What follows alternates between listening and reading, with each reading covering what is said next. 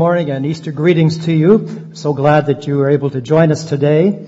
If you are a newcomer, we want you to know you're welcome. And the rest of you we know and love, and so thank you for being here. Uh, for any of our youth who have been away studying, we welcome them back uh, for this weekend and perhaps for the summer. So our our youth at universities and colleges are winding up, writing exams, and looking for jobs. Uh,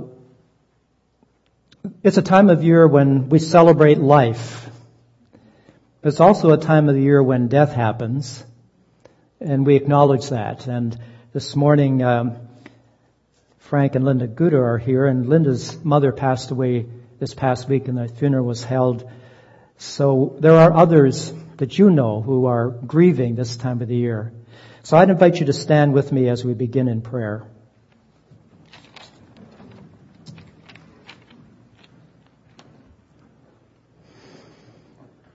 Our Heavenly Father, we thank you that we can look to you and trust you as the giver of life and the receiver of life back again.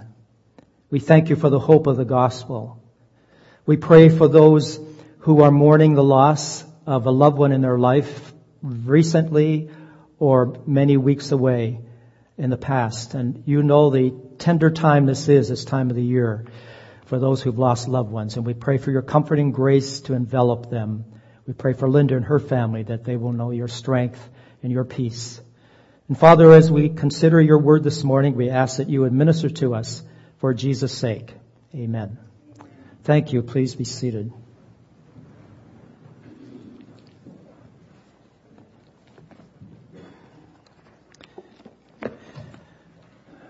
Thank you, ministry team, for leading us this morning in worship. All those songs were stating biblical truths, but they were also affirming our belief system, our faith in the songs we sang.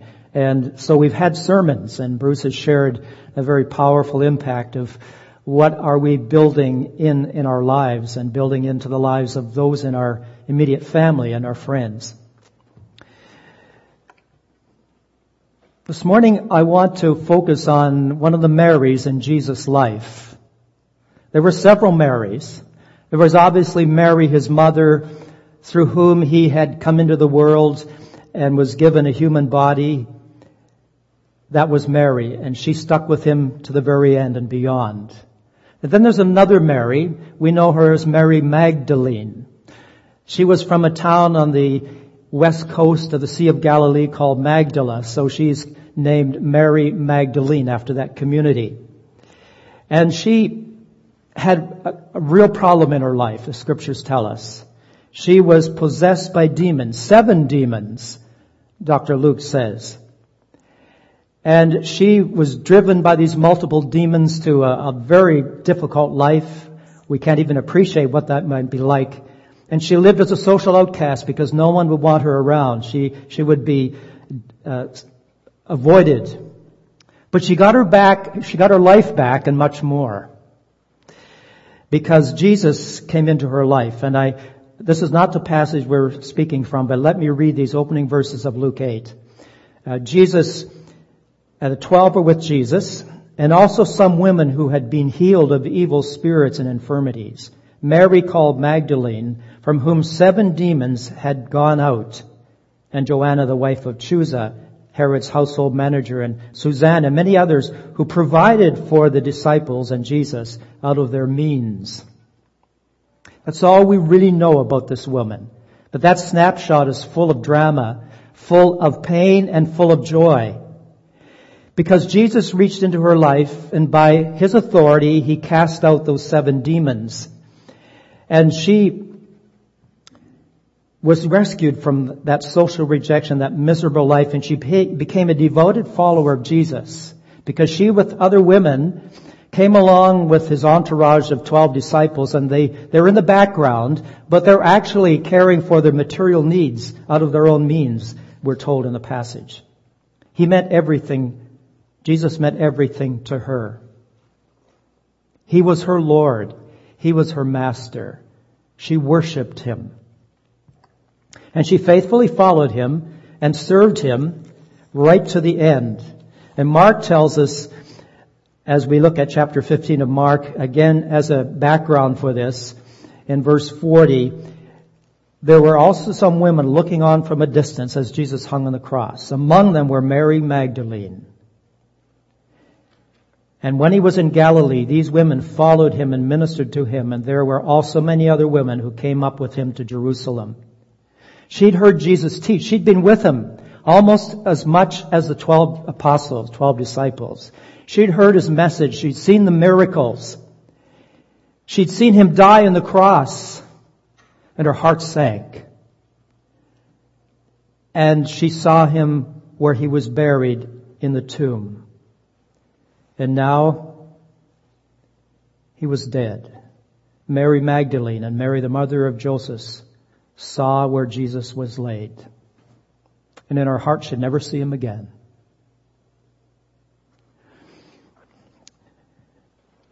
In the next breath, we discover that she's going to the tomb. When the Sabbath was passed, Mary Magdalene and others brought spices so they might go and anoint him.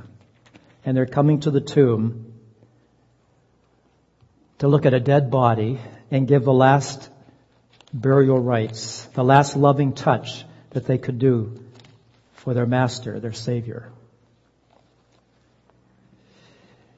But things changed. And Mary discovered that Jesus had risen from the dead. Now the gospel writers have a little different versions. And all we want to focus on is Mary encountering the risen Lord. So would you turn to John chapter 20 and we'll follow that uh, just for the, the content here and the backdrop because out of this we want to see by faith what we ought to see in the risen Lord. John 20 and verse 8. So the other, two other disciples had come to the empty tomb. They went in, they, they saw and believed, but they really didn't believe. For as yet, verse 9, they did not understand the scripture that he must rise from the dead. Then the disciples went back to their houses. So they, they saw the empty tomb. They knew he wasn't there, but they hadn't got it yet. God hadn't opened their eyes. But, in the next breath, verse 11, Mary stood weeping outside the tomb, and as she wept, she stooped to look into the tomb, and she saw two angels in white sitting where the body of Jesus had lain, one on the head and one at the foot. They said to her, Woman, why are you weeping? She said to them, They have taken away my Lord, and I do not know where they have laid him. And having said this, she turned around and saw Jesus standing, but she did not know that it was Jesus. And Jesus spoke to her and he said, Woman, why are you weeping? Whom are you seeking? Mary, supposing him to be the gardener, said to him, Sir, if you had carried him away, tell me where you've laid him and, and I will take him away, take his body away. In the next breath, Jesus says, Mary. And responding in Aramaic, she says, Rabbi, teacher. Jesus said, do not cling to me, for I have not yet ascended to the Father, but go to my brothers and say to them, I'm ascending to my Father and your Father, to my God and your God. And she went and announced to the disciples, I have seen the Lord. Behold the Lord. That's in essence, essence what she's saying. This was her eureka moment of encountering the risen Lord for the first time. The one she had seen die on the cross, the one she had seen his body laid in the tomb out of this seemingly tragic misjustice. For Mary, it meant her Lord was back. I have no idea what she expected or anticipated. Or what she even understood what all this meant. Would it be back to the former life? I'll be there and I'll make meals for you, do your laundry. Is that, is that what was in her mind? I think she had only the reality that he's alive. In time, she would come to understand and appreciate many things about what his resurrection meant and means. And so today, we will not discover anything new, but we want to renew our understanding of the power of the resurrection and what Jesus accomplished. So I ask the question, what does the resurrection of Jesus mean to you personally? Today. What does it mean to you? Some of us are cerebral and some of us are emotional.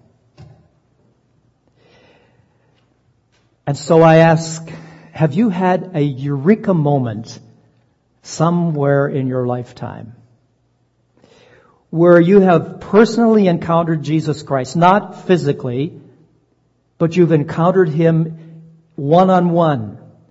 You've encountered Him as your Savior. Have you had that eureka moment? Or as your Lord, when you've submitted your life and said, Lord, everything I have is yours. I'm yours. Take me and use me completely. Or have you encountered Him as your provider in some way, in almost a miraculous way, God arranged things so you see His hand, perhaps in caring for you. So on this Easter Sunday, let's behold the resurrected Lord and see Him as the triumphant Lord of the universe. Now we have the benefit that Mary Magdalene did not have. We have the benefit of the completed scriptures. And so we have so much that the Word of God teaches us about what the risen Lord has conquered, what He's triumphed over. Things bigger than you and I. He's the one that we need. So let us behold the Lord in, in faith and understanding this morning. First of all, behold the Lord who rose from the grave.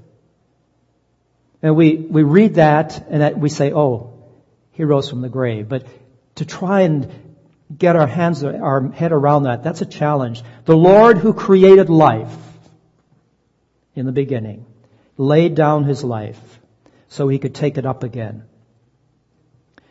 Here was someone who was in total control of his life from day one, from the womb. When he was at the cross, before the cross he was in control. Remember when he was arrested and he said, don't you know I can call 10,000 angels and they'll come and they deliver me? I'm in control. He was in control on the cross. He had said, I lay down my life and no one takes it from me. And as he came to the end, when he chose to die, he said, Father, into your hands I commit my spirit. And he breathed his last. He was in control in the grave. And you picture that as you look at the details of where he, picture him getting up in that tomb, not in the grave we think of, the hole dug in the ground, but a, a holding place for bodies that had recently died. A big room with a stone over the front door. Can you picture him getting up, taking off the grave clothes that covered his body, laying them aside and taking that napkin or that cloth that was around his head and folding it up and laying it by itself. He was in control in the tomb. Mary Magdalene saw the results of this in person. She saw her Lord. He was back again. Yes, the body, looked. she could recognize him, but we know the body had gone through changes, but it, it was Jesus. The grave could not hold the Lord of life. Uh, that's what Peter declares as he preached on the day of Pentecost. It was not possible that the grave could hold Jesus. And this means that the grave will not hold our bodies either. Do you really believe that? Uh, it's, we can't compute that, can we? But we can believe it because this is what the scriptures say. That one day the, the trumpet of God will sound and the, the corruptible will put on incorruption. The mortal will put on immortality. See, the grave can only receive our body, but it cannot keep it. Whether that body is deteriorates in the grave or whether it is cremated and it's in ashes wherever those ashes are laid or spread. They're at Jesus' disposal. Lazarus, four days in the tomb, and Jesus simply says, Lazarus, come forth. And out he walks because the tomb could not keep him there. One day the risen Lord will raise our body from its place of rest. Jesus said, the hour is coming. There is a time coming when all who are in the tombs will hear God's voice and will come out. Because God will say, rise. And those bodies that have been laid aside will rise. Those who have done good to the resurrection of life and those who have done evil to the resurrection of judgment. John 5, 28. Behold the Lord who will raise us up from the grave. And we look forward to that day when the Lord himself will descend from heaven with a cry of command. Come forth, come up. And the voice of the archangel and with the trumpet sound of God and the dead bodies, the dead in Christ will rise. And the Lord who spoke creation into being will speak resurrection into our bodies wherever they rest. The next time you go to a cemetery, think about this as you walk around. Those graves are not going to be able to keep those bodies. And it will not keep your body. Because the resurrection of Jesus assures us that we too will rise again. Behold the Lord not only who one overrose from the grave, but the Lord who overcame death. Now, that's obvious, but I want to put a little slant on this because that's a parallel to this. The Lord who had given himself to death, to death, overcame it for our sakes. We know that he humbled himself to die on the cross, even the death of the cross. And he experienced death on our behalf. The writer to the Hebrews says it, it was necessary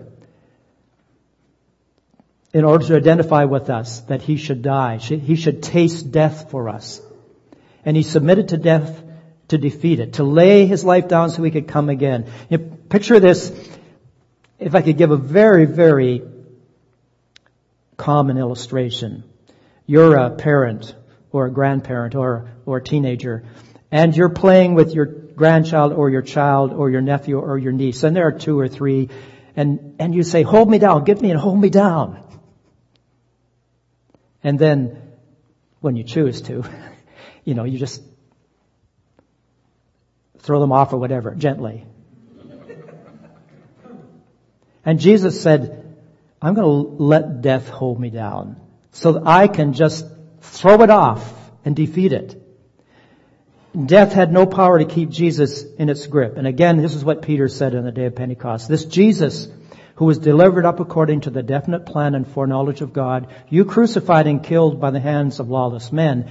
God raised him up, loosing the pangs of death because it was not possible for him to be held by it. And Mary Magdalene understood that she was the first person witness that that's what had happened. Jesus had defeated death. And scripture references about Jesus' death have to do with his physical being, not his spirit, not his person. He didn't die or cease to exist as a person, nor do you or I. Jesus' human body, spirit, uh, sorry, spirit and soul never died. And death had no power to keep Jesus' body dead.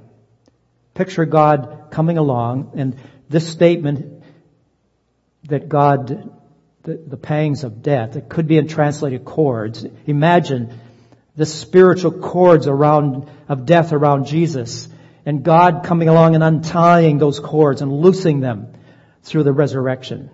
Nor could death separate Jesus from God the Father and the Holy Spirit.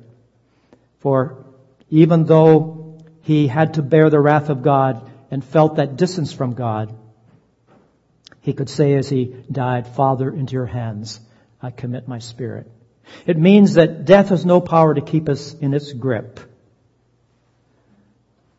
I am the resurrection and the life. He who believes in me, though he dies, yet shall live again. Death can only touch our body, but not our spirit.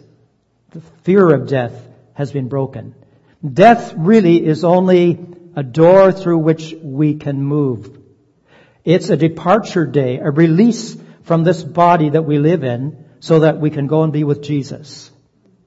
And every burial, Every internment, every commitment, however the remains are set aside or laid to rest,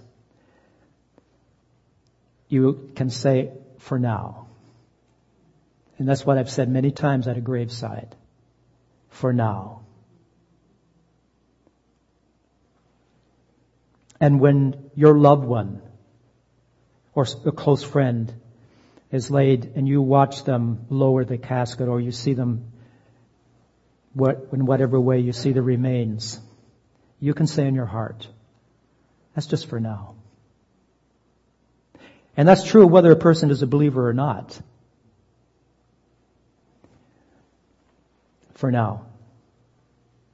The hour is coming. Isaiah said these words referring to God. He, the Lord of hosts, will swallow up death forever. And in the Corinthian passage it talks of where death is your sting, where, O grave, is your victory. Death has been swallowed up by Jesus. And so behold the Lord who has overcome death on our behalf. And one day he will reunite our resurrected body with our soul that's already with Jesus. And that's why Paul writes to the Corinthians, or to the Thessalonians, we do not grieve as others who have no hope. And then behold the Lord who atoned for sin. Now this was our Easter focus. But this is part of what the resurrection means. Jesus' death and resurrection are the foundation for what Jesus has done to take away the sin of the world. He has answered for our sin, paid for it with his life, shed his blood as a sacrifice. He became responsible for our sin. He was made sin for us, not made sinful for us, but he became responsible and accountable for us. And he submitted to death to experience it on our behalf. It qualified him to represent every person before God because he became one with us in humanity. He offered himself as our high priest to make propitiation for our sins. That was the Lamb of God. It means that we have a Savior. We wouldn't know that if he was still in the grave. But the resurrection affirms that we have a Savior who's atoned for our sinfulness before God. Mary Magdalene in time would come to understand this. It wasn't just that here was Jesus back again. Here was Jesus back in victory from atoning for sin. And his sacrificial death fully satisfied God's holiness and justice. Behold the Lord who is covered for us before God. Jesus said the last words one of the last words on the cross. It is finished. He had said, I come to give my life as a ransom. I've come to do the will of my Father. And he had completed that. He had come to be the Lamb of God that takes away the sin of the world. Now, obviously, Jesus was not simply saying, it's finished, my, my life is finished. That's really not what he meant. He meant it was a declaration that we were forgiven and he covered our sins by his sacrifice. Now we know that up here. And, and so I, I discovered this little testimony from someone who was talking about this and their, and their pastor asked them in the message, have, have you taken it to heart? Have you taken it to heart? That your sins have been completely atoned for. And so he's, because he made this statement. When he said, when Jesus said, it is finished, he was talking about me. And then this person said, the pastor asked them to, to make that statement. Inwardly, whisper out loud, write it in a journal. And so I want to offer that opportunity for you right now to make that declaration. When he said it is finished, he was talking about me. Now I'm going to ask you to stand and we're going to say that together, if you can stand. And this is not just words, but a fresh affirmation that when he said it is finished, he was talking about me. Let's say it together. When he said it is finished, he was talking about me.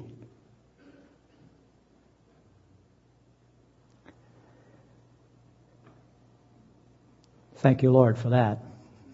You may be seated. And then the last behold is the real enemy. Behold the Lord who has defeated Satan.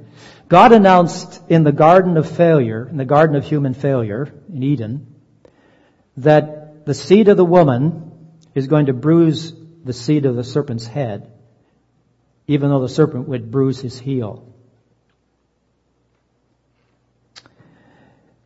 Jesus said, while I was with you daily in the temple, you did not lay hands on me, but this hour and the power of darkness are yours. It was Satan behind all of this. This was his hour. But Jesus bruised Satan's head through the resurrection, even though he had bruised Christ's heel on the cross. Since therefore, Hebrews 2:14, since therefore the children share in flesh and blood, he himself, Jesus, likewise partook of the same things that through death he might destroy the one who has the power of death, that is the devil, and deliver all those who through fear of death were subject to lifelong slavery. Now did he do that? Yes, he did. It didn't mean he eliminated him, that Satan ceased to exist, because Satan will never cease to exist. Every demon spirit will never cease to exist but he meant he rendered Satan's power useless. Oh, Satan has a little bit of power, but he doesn't have the power that he had over death because through the resurrection. Satan is the ultimate enemy and death is his most powerful tool. Jesus rescues us from his rule over our life. And whether we know it or not, the Bible says before Christ, we trusted him, we were dead in our sins and trespasses. We walked according to the prince of the power of the air, the, the darkness. But, Paul says to the Colossians, Jesus has transferred us from the kingdom of darkness into the kingdom of light of his dear son. That's our freedom. That's, that's where we live. Mary Magdalene would come to appreciate this even more after Jesus' death and resurrection. He had delivered her from seven demons. But now she would be even more free from Satan's rule over her. For he had conquered Satan. And we can live in the freedom of Satan's rule. We're not at his mercy, but we are open to his schemes, as the scriptures say. And he attempts to interfere with us and to mess us up and to get us defeated, get us off track and so Paul writes to the Ephesians chapter 6, Be strong in the Lord in the strength of his might. Put on the whole armor of God that you may be able to stand against the schemes of the devil.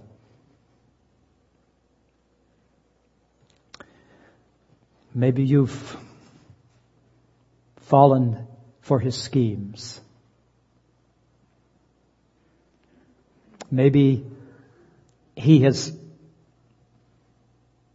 enticed you into areas or values or behavior that fits right into his schemes. Be sober minded. Be watchful. Your adversary, the devil, prowls around like a roaring lion, seeking someone to devour. And that's someone weak, someone away from the flock, vulnerable, and he never lets up. He is a hungry enemy. Resist him, firm in the faith. Resist him in the authority of Jesus Christ. And we have the protection with the spiritual armor, but we need it. We need that spiritual armor. Behold the Lord who has triumphed over the devil. One day, he will be cast into eternal hell forever. You can read about that in Revelation chapter 20. You can count on it. One day, his freedom will be totally taken away from him forever. Mary Magdalene would come to understand these things in time. And you know, she continued to be part of the resurrection witnesses. When Jesus had the twelve, and we read this in Acts chapter one, and he stood with them and they saw him go up into heaven and the angels came and said, uh, why are you standing here looking at him? He's going to come away again in the same manner. And so the disciples returned and it says they went into the upper room where the rest of them were gathered and they list the women. and all the women. So Mary Magdalene has not only followed him right to the cross and to the resurrection, but into that first body of believers that would be baptized, immersed into the body of Christ on the day of Pentecost.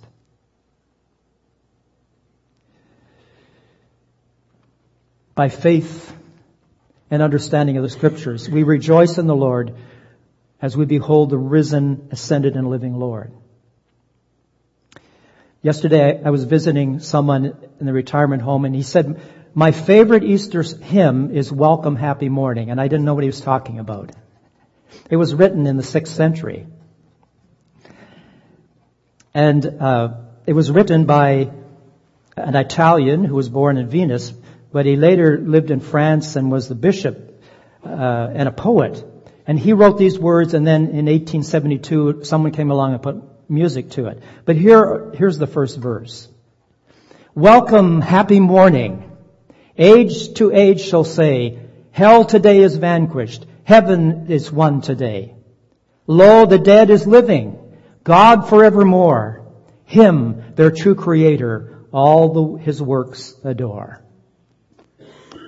And that's where we are this morning, to adore and worship him. Come, do you have a closing song? Come and let's sing together as we celebrate our resurrected Lord.